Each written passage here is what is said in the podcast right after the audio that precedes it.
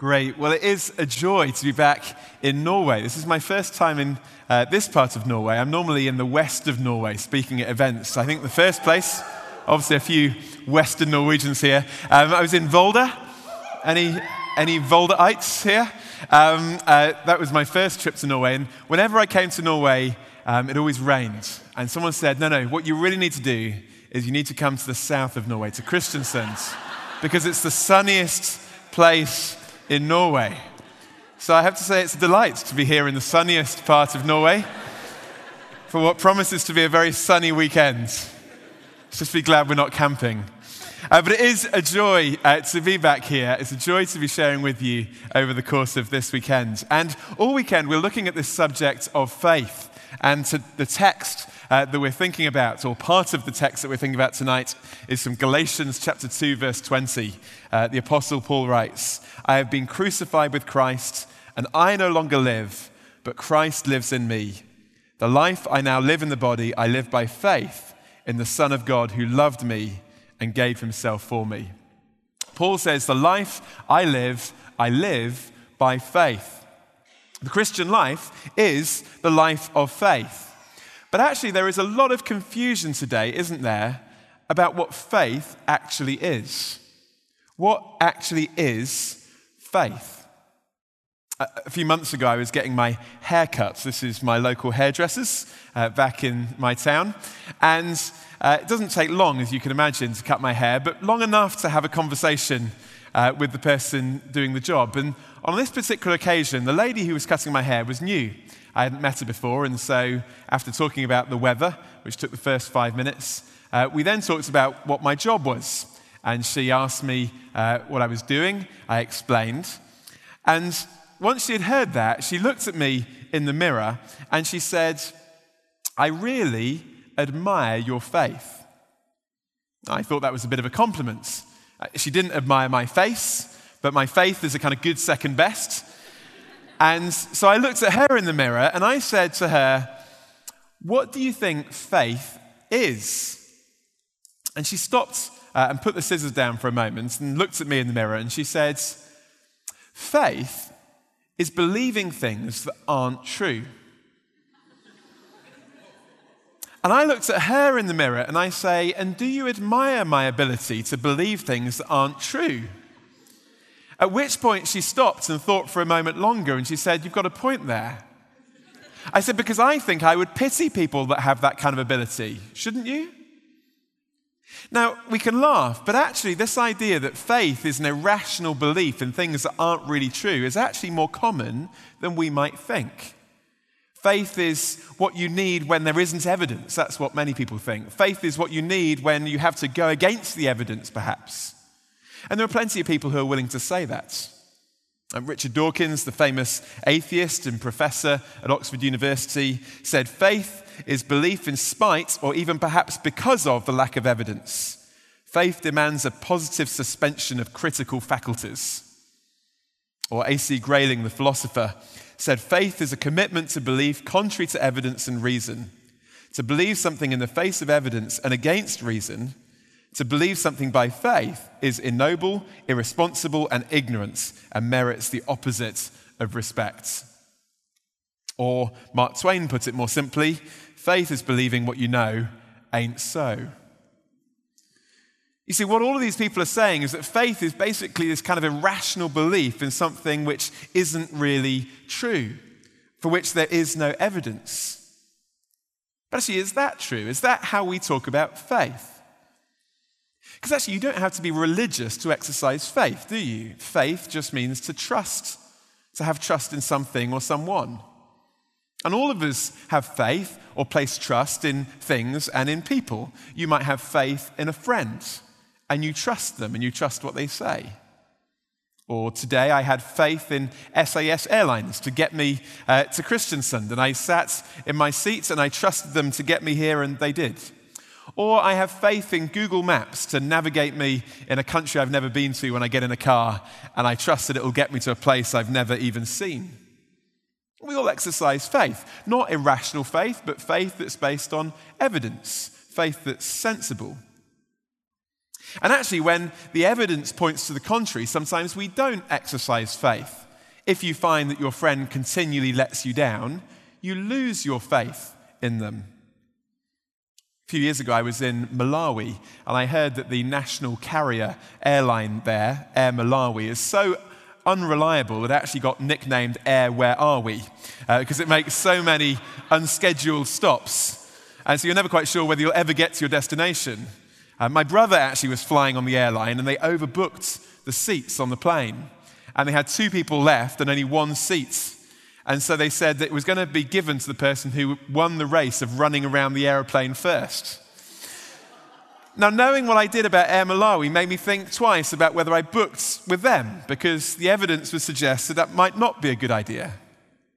Similarly, when Apple started their own version of the Map app, it took me to a lot of strange destinations, and so I lost my faith in its ability to direct me there. We can have faith based on evidence, and when the evidence isn't there, we don't have faith. So all of us exercise faith. In fact, you couldn't even study science unless you had faith. I mean, you're not going to sit down and conduct every experiment that's ever been done before you to check whether it's true. No, you trust that the results of other people's experiments may be trustworthy. So everyone has faith, faith based on evidence. Ah, but someone says, isn't religious faith different? Okay, we can have faith in airlines and in friends and in maps, but, but faith in religion or faith in God, surely that comes into a different kind of category. Maybe you are familiar with the story at the end of John's Gospel. Thomas, often known as Doubting Thomas, uh, doubts that Jesus is risen from the dead until he sees him with his own eyes. Actually, I feel a bit sorry for Thomas because all the other disciples didn't believe until they saw as well. It's just that he wasn't there the first time when Jesus appeared. And when Thomas sees Jesus with his own eyes and says, My Lord and my God, he recognizes that Jesus is indeed risen from the dead. And Jesus turns to Thomas and he says this Jesus told him, Because you have seen me, you have believed. Blessed are those who have not seen and yet have believed. Now, some people read that and they say, Aha, that's exactly the point. That's what religious faith is it's blind, it's irrational. Jesus is commending people who believe without seeing. But it is important to notice that Jesus isn't commending people who believe without thinking. He's not contra- contrasting faith and reason, he's contrasting faith and sight. He says there are people who believe without seeing, but that doesn't mean that they aren't people who don't think. In fact, the very next verse of John's gospel goes on to say this Jesus performed many other signs in the presence of his disciples, which are not recorded in this book. But these are written that you may believe that Jesus is the Messiah, the Son of God, and that by believing you may have life in his name. So, what John is saying is, we do not have the benefit of seeing Jesus with our eyes, touching him with our hands, hearing him with our ears. But that doesn't mean that our faith is irrational.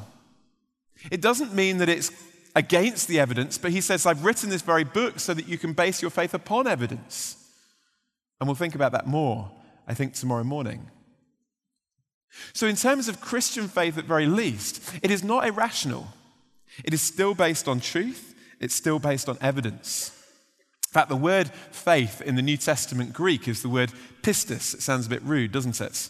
And it literally just means to be persuaded of something, to be convinced. That's why the early Christians didn't go around the Roman world saying, close your eyes and take a leap into the dark. But they went around debating and reasoning and urging and persuading because they were convinced that what they believed was true. And they were convinced that other people could come to that conviction as well. Okay, you might say, faith might be based on evidence, but can you prove it? Can you prove that Christianity is true? And the answer to that is no, we can't. Ah, you say, well, if you can't prove it's true, then that just proves it's irrational, right? Well, no. See, actually, there are very few things in life that you can prove 100%. Outside of logic and pure mathematics, there are very few things where we talk about proof. Even in the realm of the natural sciences, we don't really talk about proof. But we talk about a conviction based upon the weight of the evidence available to us. Not proof, but still strong conviction based upon evidence. And it's the same with the Christian faith. We don't have 100% proof, but that doesn't mean it's irrational, and it's still based on evidence. And actually, what I want to say is that everybody has faith. Sometimes people say, well, you religious people, you Christians, you have faith, we just have evidence, we just have facts. But actually, whoever you are, you believe something. It may not have a name or a label. You may not go to a church or a place of worship, but everybody believes something, right? Now, it's common for people to say, well, atheism isn't a faith. The professor uh, of maths at Oxford University, John Lennox, who's well known for debating amongst other atheists, Richard Dawkins, was once in a debate with one of these atheists. And the atheist said, Well, the thing is, John, atheism is not a faith. And John said, Oh, really? I thought you said you believed it. Because actually, everybody believes something about the universe, about life, about the point of life. Everybody has some kind of faith. The question is is our faith based upon evidence? Is it rational? Is it reasonable? There are certain things that we assume are true about the universe. The question is how do we explain it? Does Christian faith and belief in God explain it best, or does atheism or something else explain it best? Let me give you some examples. Almost everyone in the universe accepts that, or everyone in the world accepts that the universe came into existence. It's not always the case that people thought that, but ever since the theory of the Big Bang, that's what people think. The question is why? Why did the universe, space, time, matter, and everything that we know come into existence? Was it the creative act of God, or was it that somehow nothing became everything for no reason whatsoever? Most physicists will tell us that the universe we live in is finely tuned so that life could exist.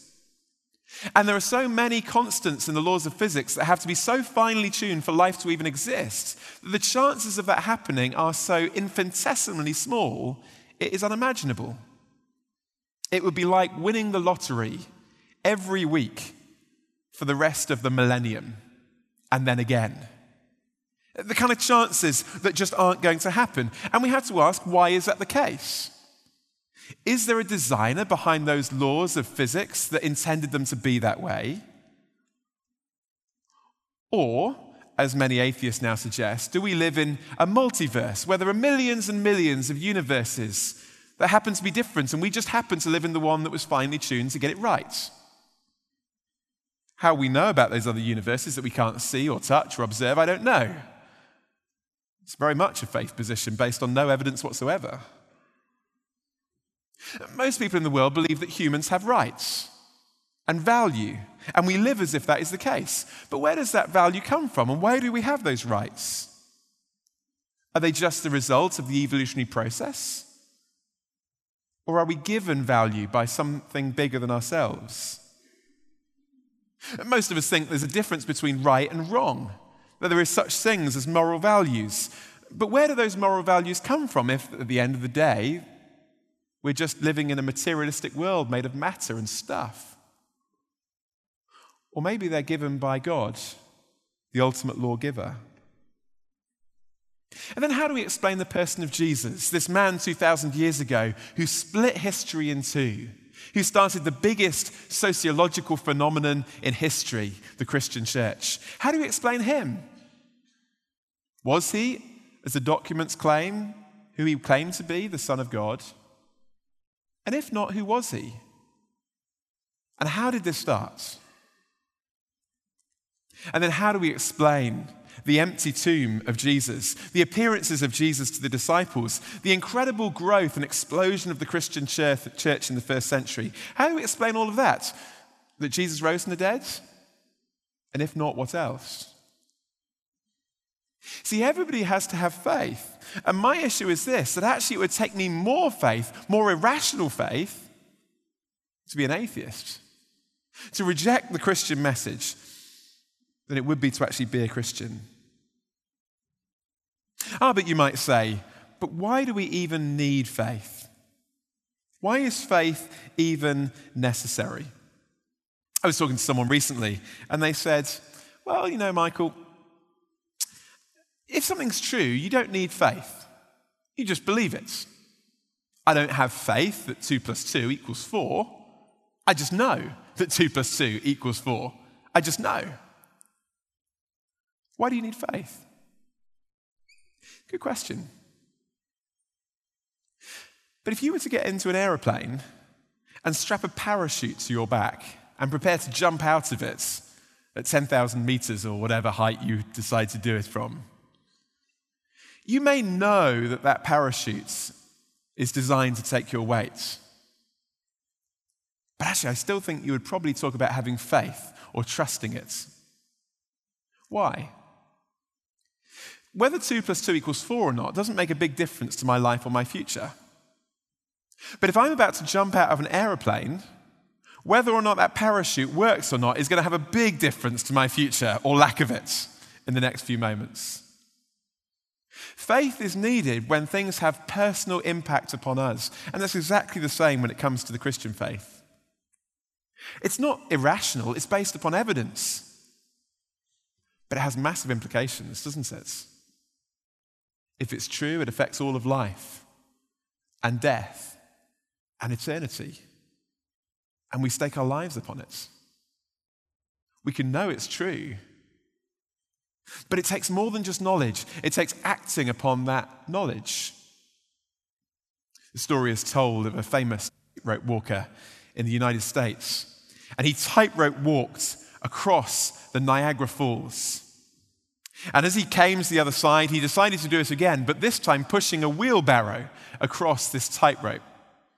And when he got to the other side again, there was a large selection of press photographers.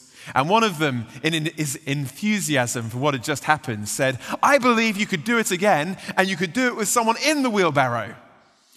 And so Blondin said, Okay, get in, and I'll take you back across. And the man ran a mile.